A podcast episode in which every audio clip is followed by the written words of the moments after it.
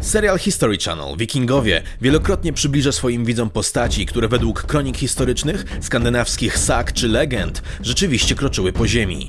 Główni bohaterowie są tego świetnym przykładem. Wiking Ragnar Lodbrok miał naprawdę oblegać Paryż, a Kurhan, który uważa się za grób Bierna Żelaznobokiego, można zobaczyć na własne oczy. Niestety, fikcja serialowa wielokrotnie odbiega od rzeczywistości. Bardziej lub mniej. Posłuchajcie.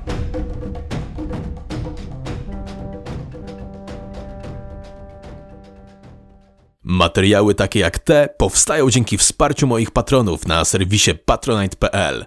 Jeśli chcesz dołączyć do ludzi wspierających mój kanał, zrób to już dziś. Serial Wikingowie powrócił, a wraz z nim postacie, które uwielbiamy, m.in. Witserk, brat Iwara, Bierna i Ubbe. Więc jak to z nim było historycznie? Witam was wszystkich bardzo serdecznie. Ja jestem Refur, to jest kanał Narrator. Zostańcie na chwilę i posłuchajcie. Zgodnie z tym, co jest przedstawione w serialu, jak i w źródłach, Witserk urodził się jako syn legendarnych Ragnara Lodbruka i Aslaug Sigurdsdottir. Imię, pod którym go znamy, składa się na dwa człony: Wit, czyli biały, i serk, czyli koszula lub tunika, jak w słowie berserk, niedźwiedzia koszula. Wzmianki o tej postaci pojawiają się głównie w pewnym starym tekście, opowieści o synach Ragnara, czyli Ragnarsona Thatr, gdzie opisana jest zemsta rodzeństwa na królu Eili za zabicie ich ojca poprzez najazd wielkiej armii pogan na królestwa angielskie. Tam też opisany jest Witserk, który pod koniec opowieści w spadku po ojcu, w końcu królu, pod władanie dostaje Jutlandię, jak i jeden z regionów Saksonii. Na tym kończy się ta opowieść. Inne źródła natomiast mówią, że pod swoje panowanie objął Gardarikę, czyli Ruś Kijowską, gdzie łupił ile wlezie, jednak ostatecznie spotkał się z siłą, która mu sprostała. Spytany jak ma umrzeć, miał śmiało odpowiedzieć, że życzy sobie, aby go spalono na stosie ułożonym z ludzkich zwłok. I możemy pomyśleć, że to tyle, ile wiemy o tej postaci. Istniał, podbijał, trochę porządził, a na koniec pokazał, że ma jaja ze stali. Lecz jednak to nie wszystko. Znawcy wysnuwają dosyć logiczną teorię. Podczas gdy źródła skandynawskie opowiadają o Witserku i jego braciach, tak źródła angielskie opisują tych właśnie braci i postać Halfdana. Więc czy imieniem, pod którym ta postać była znana kronikarzom, nie mógł być Halfdan? Wszak to, co uznajemy za imię, nie pojawia się powszechnie w wielu źródłach i mogło być tak naprawdę przydomkiem dla osoby, która nosiła częstsze imię Halfdan. I to właśnie ten przydomek pomagał odróżnić wodza od innych Halfdanów w jego armii. Sam historyczny Halfdan również opisywany jest jako potężny wódz i syn Ragnara Lodbruka. Halfdan nazywany był królem Jorku. Stop, stop. Trochę za bardzo wybiegamy w przyszłość. Przyszła pora na trochę dat. W 865 wielka armia Pogan ląduje na angielskich wybrzeżach, kierowana przez Iwara bez kości. W okolicach roku 870 jednak Iwar znika z angielskich kronik, zastąpiony przez innego wodza, właśnie Halfdana.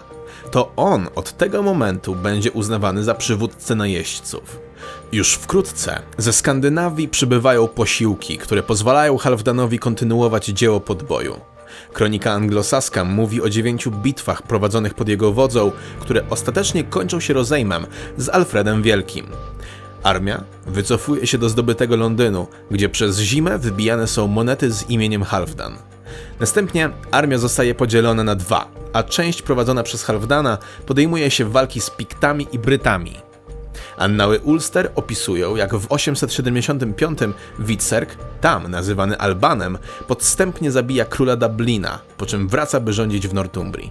Sam akt zdobycia Dublina przez Witserka teoretyzuje się jako akt zemsty za Iwara, ponieważ to tam urywa się ślad Iwara w kronikach. Dwa lata później Halfdan wraca do Dublina, by walczyć ze swoimi pobratymcami, którzy żyli na tych terenach przed najazdem Wielkiej Armii Pogan. Jednak ta bitwa okazuje się jego ostatnią. Halfdan umiera w Dublinie w 877 roku. Jednak to nie jest jedyna teoria na temat Witserka. Wracamy na Ruś Kijowską.